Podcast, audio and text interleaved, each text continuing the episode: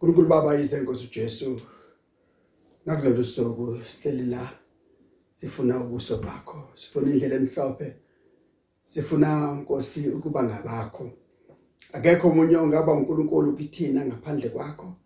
Inhliziyo zethu zivulelele kuwena. Noma sise inkingeni sizohluphekweni noma sengxakini noma izifo zisihlasele kodwa sifuna wena ukuthi ube phakathi kwethu ube uNkulunkulu wethu. Sazokhuluma izwi lakho phina kwesanga usigcwalise inkazimulo yakho. Ube nabo bonke inkosi abazolizwa lapho finyelela khona. Lethe ukuphilisa lethe inkuthalo lethe ukukholwa nokusindiswa egameni lika Christ inkosi. Amen. Amen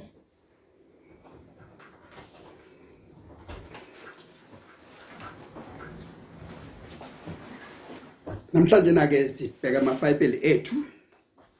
Encwadini yokuqala kaSamuel sahluko samashumi amathathu. Eyokuqala kaSamuel sahluko samashumi amathathu. Sifunde indime yokuqala sime endimeni emashumi amabili anane. 1 Samuel 30 from verse 1 to 24.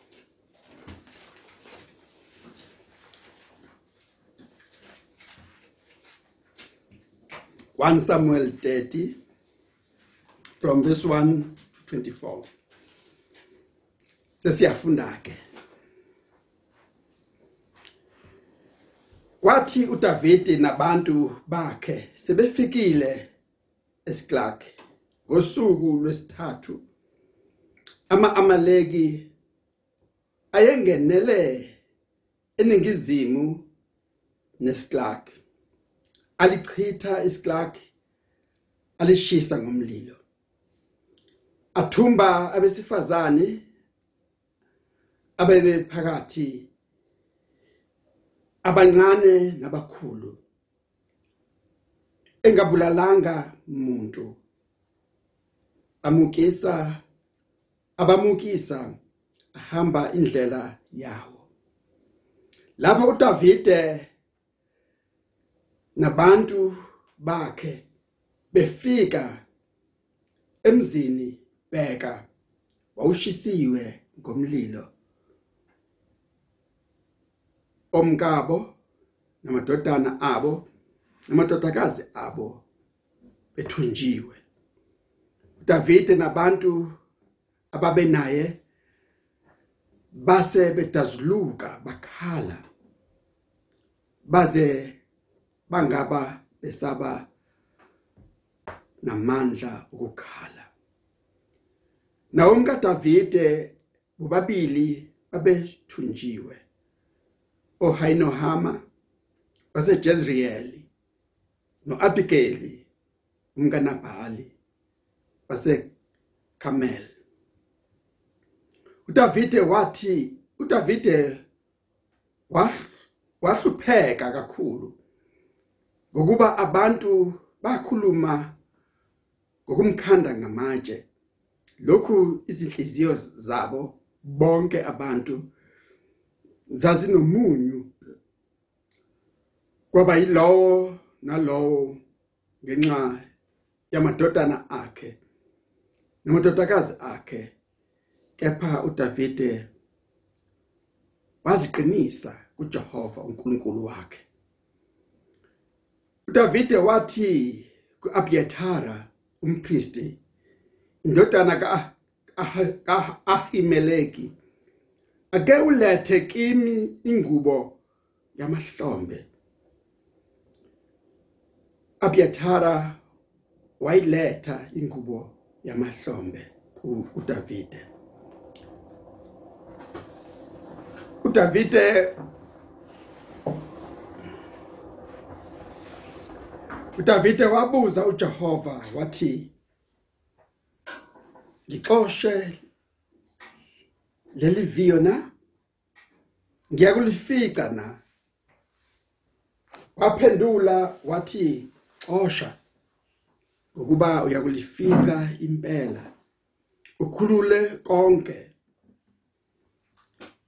Wayesehamba uDavide yena nabantu abangamakhulu ayisithupha.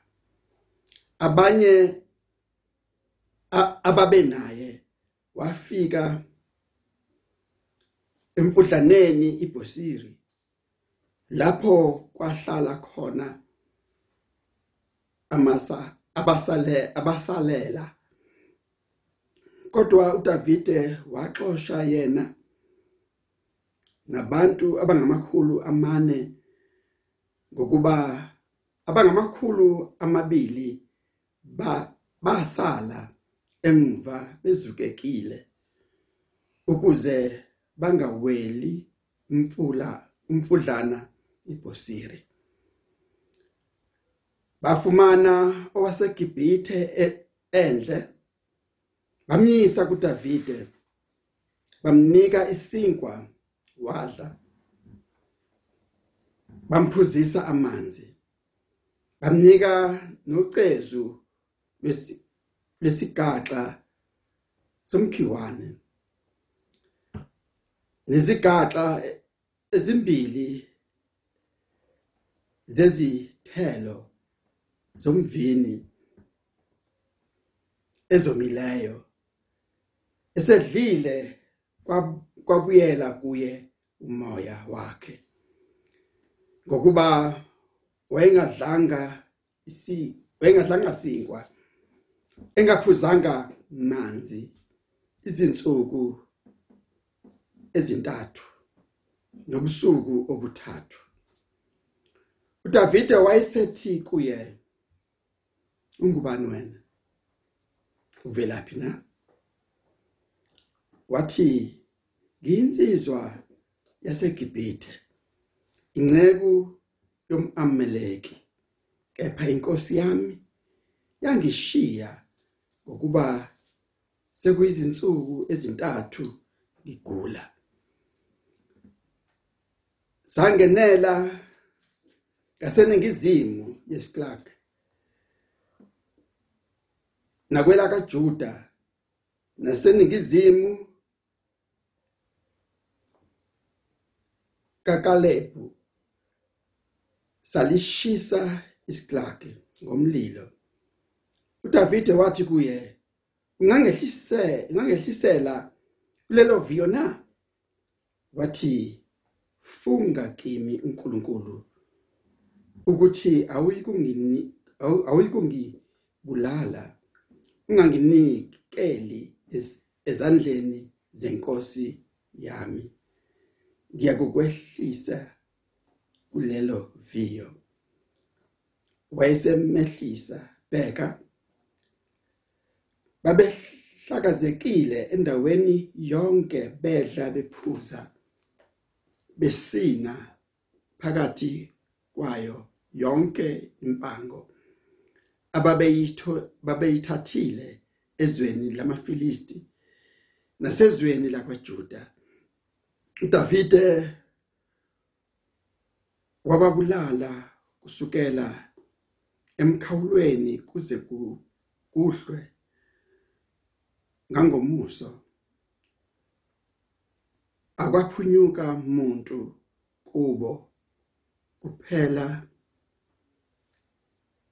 izinsizwa ezingamakhulu amane ezazi ezazikhwele emakamelini zabaleka Davide wakhulula konke okwakuthathwe ngama Amaleki Davide wakhulula nawomkakhe bobabili. Akwa akwasalela muntu omncane noma omkhulu amadodana namadodakazi nempango noma okunye ababe uthathile khona. uDavide wabuyisela konke. Davide waye wathatha zonke izimvu nezinkomo baziqhubha phambi kwakhe bathi impango kaDavide le. uDavide wafika kulabo bantu abangamakhulu amabili ababezukekile bengena bengalandelanga uDavide ababehla lisile ngasemfudlaneni ibosiri. Baphuma ukumhlangabeza. uDavide noku nokuhlangabeza nokuhlangabeza uDavide nokuhlangabeza abantu ababe naye uDavide esesondela kubantu wababingelela. Base bethatha bonke abantu ababi nabonakeleyo kulabo ababehamba nabo noDavide bathi njengokuba ningahambanga nathi asinakuninika lutho empangweni esikhululile kuphela ukuba yilona loyo naleyo ndoda inikwe umkayo nabantwana bayo bamuke nabo bahambe. Wayesethi uDavide anikwenza kanjalo. Bafowethu ukuba asikuphi esikuphiwe nguJehova osilondolozile wanika esandleni sethu iviyo esilihlasela ngubani oyakunilalela kuleyo ndaba na? Ngokuba njengokwabela njengesabelo sowehlela empini siyakuba njalo nesabelo saloyo owasala nempahla bayokwabelwa ukulinganayo izwi lakho Jehova izwi lakho Nkosi Jesu siyalamukela siyabonga. Bathandekayo sengifunda amazwi amaningi eh kodwa indaba yethu yonke enkulu namhlanje na indikimba indaba yethu imilapha yana endimeni yeshumi elinantathu engizocela ukuyiphinda ngiyifunde. Davide wathi kuye ngubani na? Uvelaphi? Wathi ngiyinsizwa yaseGibhithe inceke yomameleki kepha inkosi yami yangishiya ukuba senginezinsuku ezintathu. Ngigula Buzo kaDavide namhlanje na? Kulomuntu uthi to whom do you belong? Ufuna uDavid ukwazi iidentity yalomuntu kodwa ngaphambi kokuba singene kuleyo ndaba ngicela ukuba sibheke kuqala isisusa sonke sendaba kaDavide. Kuze kube lana. uDavide usebese izinkingeni zokuhlaselwa ngamaFilisti esahlukweni esingemuva. Ubhekane nenkinga yokuhlaselwa ngamaFilisti uma ebuya ekuhlaselweni ngamaFilisti ufica umuzi wakhe nawomkakhe nabo bonke abantu behlaseliwe bathunjwa ngama-Amaleki sengathi impilo kaDavide inxa ihlaseleke nxa zonke. Asikho isigaba sakhe esingahlaselekanga. Siyazi ukuthi kwenye indawo uxoshiwe bangamdinga ukuthi ahlale kubona. Andinalana uhamba nempi yamakhulu ayisithupha ufika umuzi wakhe esiklageni shisiwe. Thathiwe yonke impahla. Andikuthathiwe abantwana amakhosikazi nezingane kwangasala lutho. Andimabelandela umkhondo akukho abakutholayo. Kunaloko sizwa ukuthi Davide namadoda ehamba nawo badazuluka bakhala bakhala bekhalela imindeni yabo bekhalela abantwana babo. Bekhalela izihlobo zabo nempahla yabo eshisiwayo nethunjiweyo. Akubona lokho kuphela esikutholayo kule ndaba kodwa futhi sithola nokuthi uDavide wafuna ukuzwa intando kaNkuluNkulu ukuthi uNkulunkulu uthini ngale ndaba uNkulunkulu uthini ngalesi simo uNkulunkulu ufuna ukuthini. Andi asimuzwa umuntu ebekufanele akhulume ekhuluma. Njengomprofeti Abiyathara umpristi uAbiyathara simuzwa ekhuluma. Kodwa kunalokho uthuli kungenzeka kuba nawe wezukekile kungenzeka kuba naye wesesililweni ephelwa ngamandla nowakhe umndeni uthunjiwe. Kodwa uDavide lithi iBhayibheli waziqinisa kuJehova. Njengomholi wesizwe waziqinisa kuJehova. Njengomholi wabantu waziqinisa phambi kaJehova. Waziqinisa phambi kwabantu. Waqonda ukuthi uma engaqini yena njengomholi nabantu ngeke baqine. Uthi ke uma eziqinisa uDavide kuAbiyathara uthi njoba nawe ukhathazekile ungakwazi usibuzela kuNkulunkulu nika mina ingubo yamahlombe ukuba sithole impendulo kuNkulunkulu. Sengathi uDavide uthi asikwazi ukuqhubeka asikwazi ukwenza lutho uNkulunkulu singazi ukuthi kungani kube njena. Sifanele sibuze intando kaNkulunkulu. Sifanele sithi Nkosi kwenze njani? Nkosi soneni. Nkosi sikwenzeni? Ngicabanga ukuthi yilokhu nathi nabaholi bethu kulesi sikhathi ebekufanele abaholi bezwe lonke abaholi bomhlaba babuyele kuJehova. Uma kade sebemshiyile uNkulunkulu bahamba indlela zabo.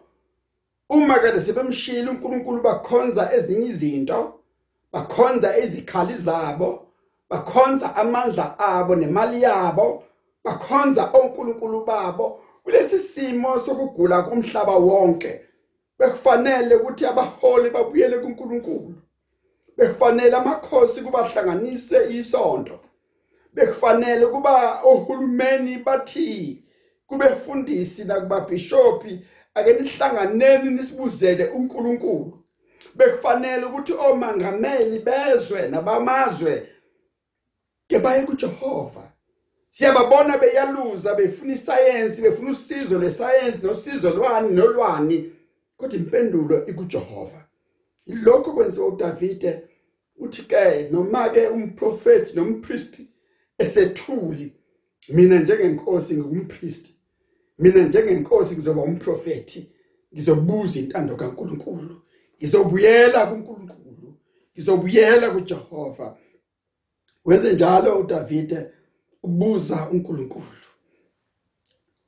Uthi uNkulunkulu kwenze njani?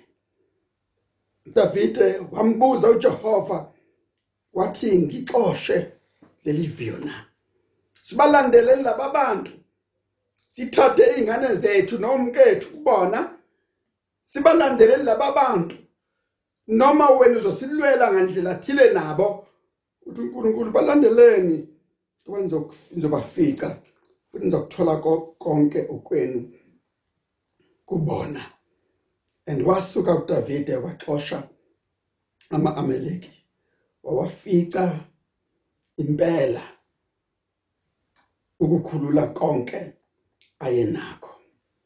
iBhayibheli lisitshela ukuthi ngesikhathi esuka uDavide abanye babantu ayehamba nabo base bezukekile abanye babantu ayehamba nabo base bekhathele uthi bathi abantu cha thina sisezoqhubeka uDavide hlalani nina enikhatheleyo. Hlalani nina enizukekile. Shiya amadoda ngamakhulu amabili hamba namadoda ngamakhulu amane baqhubekela phambili.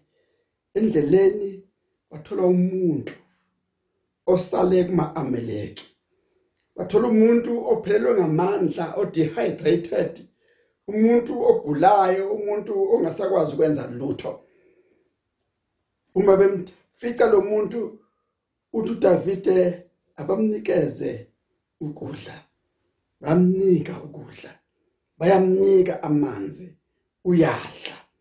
Emva kwesikhathi sedlile uDavide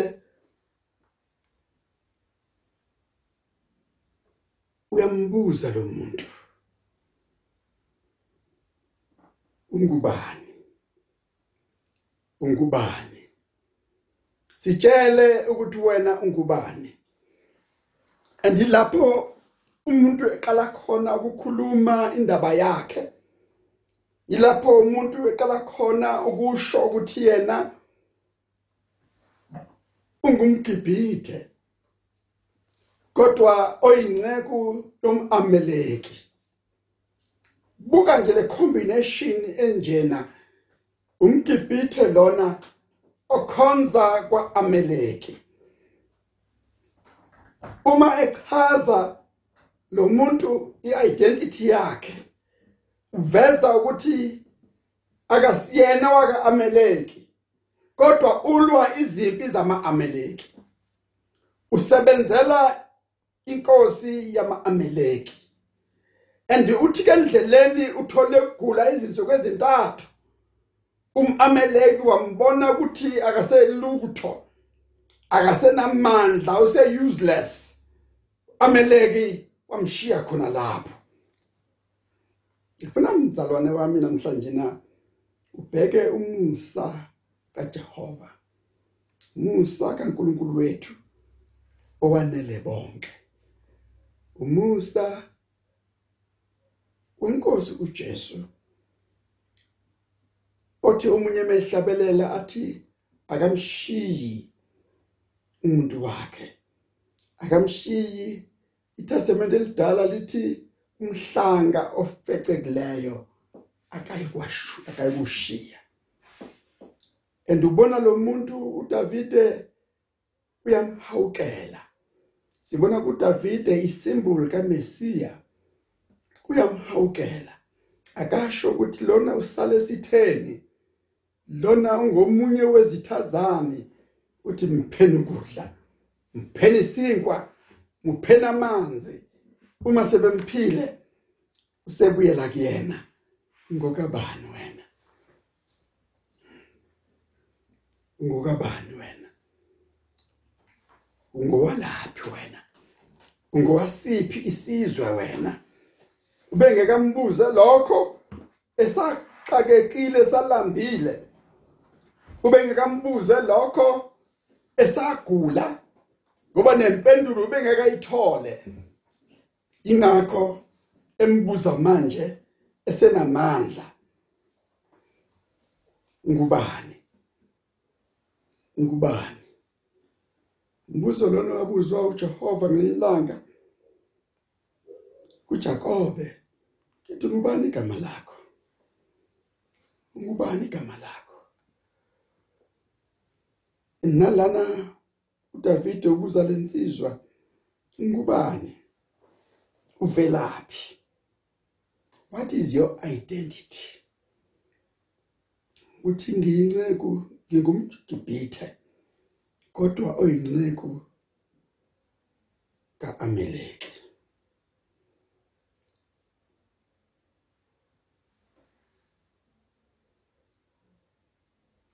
and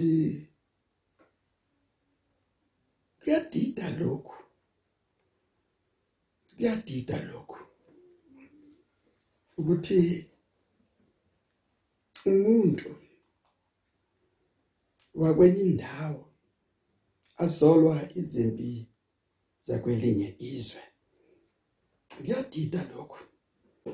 Uzokhonza enkosini ecruel inkosi engamnakekeli ebuthakathakeni bakhe inkosi engamnaki ehluphekeni kwakhe inkosi engenandaba nokugula kwakhe inkosi engenandaba nendlala yakhe inkosi engenandaba naye uqobo ifuna amandla akhe nje kuphela. The servant of Amalek. Ilento usathani ayenzayo ukuthatha ungumntwana kaNkuluNkulu akwenze incebo yakhe akwenze isikhonzi sakhe. Athi esekwenza isikhonzi sakhe angadeli akugqilaza ngazo zonke izindlela donse onke amandla akho. Athi angabona ukuthi amandla akho nobuhle bakho sekuphelile usathani abese kushiya endleleni. I am a young man of of Egyptian. Angisiyena owalana ngizolwa izimpi zalana engingazaziyo kodwa mina ngingoba seGibhithe ngiyumsizwa yaseGibhithe. Ngisikhonzi sika Amaleki lo muntu ngofunda incwadi yabaseRoma esahlukweni 6 lithi iBhayibheli lo muntu enizinceku zakhe enizikhonzi zakhe nizigqila zakhe futhi. Yilokhu esikubona kule ndaba ukuthi lo muntu uqilaziwe kodwa umgqilazi akanandaba. uJesu unokubele uJesu uyakherisha uJesu uyindodana kaDavide. Ukubele esibona kuDavide ilokubele esibona kuChrist uqobo. Ilokubele esibubona kuNkulunkulu wethu. Bazalwane ilokhu engifuna ukukusho kuloku kuhlwa kwanamhlanje na? Ukuthi ungaba umfowethu ube udade wethu ungaba umntwana kaNkuluNkulu. Ungaba inceku nencekazi. Kodwa umbuzo uthi uma ungazelwe kabusha uma ungasindiswanga ubelonga kuphi? Ubani umnikazi wakho? Ngakho umbuzo wokuqala uma bekufundisa abantu bakithi bathi insindiso yakho eyodwa ekuphileni nasekufeni yini? Impendulo ithi angiseyena owami kodwa ngowomsindisi wami othembekileyo uJesu Kristu. Athi uPaula noma siphila siphilela inkosi noma sifa sifela inkosi. Ngakho noma siphila noma sifa singabe inkosi. Uma impilo yakho ikuJesu uma impilo yakho ikuNkulunkulu weqiniso akasoze akushiya akasoze akulahla. Isithembiso asenzile leso uthi angisoze ngakushiya angisoze ngakulahla. Ngakho umbuzo usasala ungokabani wena? Ungokabani wena? Ubhilonga kuphi wena? Uqhamuka wena. Qaphela ukuthi umuntu omkhonzile umuntu omsebenzele uthembekile yini? Akazi ukukushiya yini endleleni? Akazi ukukushiya ezinkingeni? Akazi ukukushiya yini masuxakekile? Kodwa inkosi yami uJesu Kristu kuMateyu 28 uthi bhekani mina nginani. Izinsuku zonke kuze kube sekupheleni kwezwe. Mina nginani? Mina nginani? Ilokhu okwenza ukuthi uDavide acoshe lo muntu kulesi kuleli hlane. Yilokho okwenza uDavide athathe lo muntu ambambe ngesandla. Athi ngokabani wena? Awuyena wabantu engihamba nabo. Ungokabani wena? Uthi lona ngoseGibhithe angiyena futhi wakulabantu engibasizayo. Lembe ngisizayo. Ngisigcile nje kuyona kodwa ngiyena wakhona bekufanele namhlanje na ukuthi ulungise ukuma kwakho. Bekufanele namhlanje na ukuthi uzibheke ukuthi uhlanganyela nabantu abanjani. The people you accompany with. Banjani abantu ohlanganyela nabo? Uhlobo lunjani labangani ohamba nabo? Abantu abanjani ophila nabo imihla ngemihla? Labo bantu bathembeke kangakanani empilweni yakho? Ngeke bakushiye yini engxakini? Ngeke bakushiye nosizini ngeke bakushiye nokuxakekeni ngokabani wena?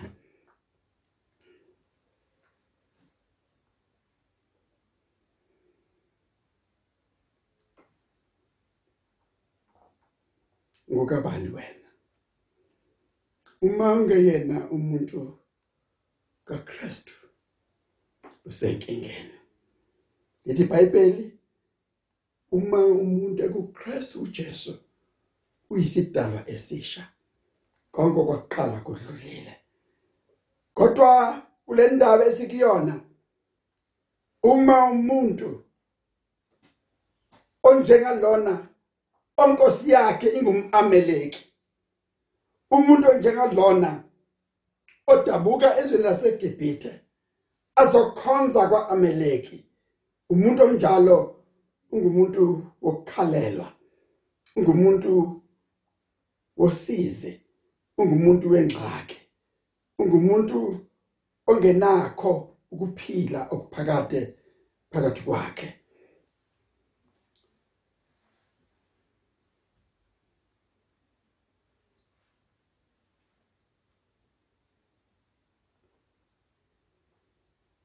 Ngokabani wena? Qhamukapi uqhamukapi bengizothi ke uma sesikule ndaba bheka isimo sakho. Bheka ukuhamba kwakho. Bheka ukuthi umi kanjani phakathi kwakho noNkulunkulu. Bengizothi bekufanele uma uthi ngokaKristu mlalele phela uJesu mlalele phela uJesu uma uthi ungowakhe lenze phela izwi lakhe hamba ngomthetho wakhe lencwadi yomthetho mayingasuki kuwe. Njoba eyalile kuJoshua mayingasuki kuwe. Njoba eshilo kuJohn 15 amazwi ami awahlale kuwe. Nawe uhlale kimi uyocela konke ngikwenzele.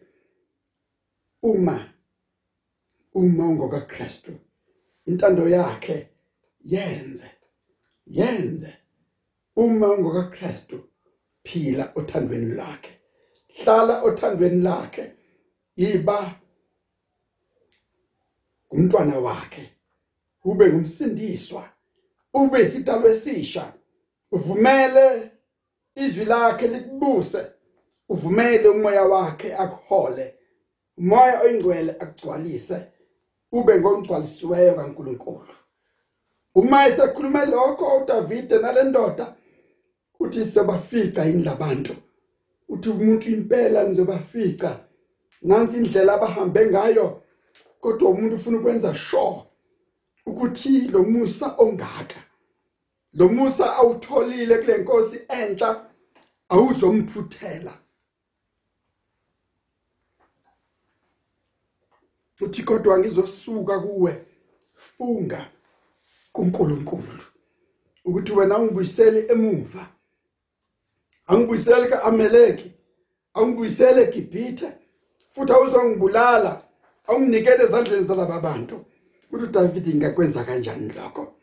Sengathi uDavid lana uphenduka umshumayeli uphenduka umvangeli obuyisa izizwe zonke ezibuyisela kuKristu ongabheki inationality yomuntu ongabheki ubuhlanga bomuntu ongabheki ulimi lomuntu alikhulumayo kodwa kuphela ubanikeza insindiso ubanikeza ithemba elisha.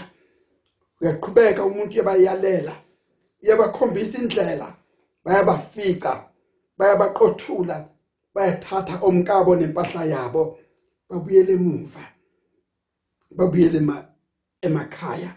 Babuyele eviyweni abalishiye ngayizolo elithela ikhathele uthi umbhali khona abantu ababi nabantu abakhohlakele abathi abahamba noDavid abathi mabefika lapha bathi cha cha cha sonike omkeni nezingane zenu kodwa ingcebo ngeke simnike uthi uDavid akunjalo. Abahamba nami babenefita konke. Basale endleleni noma ngabe baphumelele kodwa bonke abaphume nami ekhaya bazokuthola omkabo bazokuthola umhlomulo kukonke ngoba bangabafowethu. Bonke bangabami. Umholi weqiniso unjalo. Akakhethi ezimfini zakhe.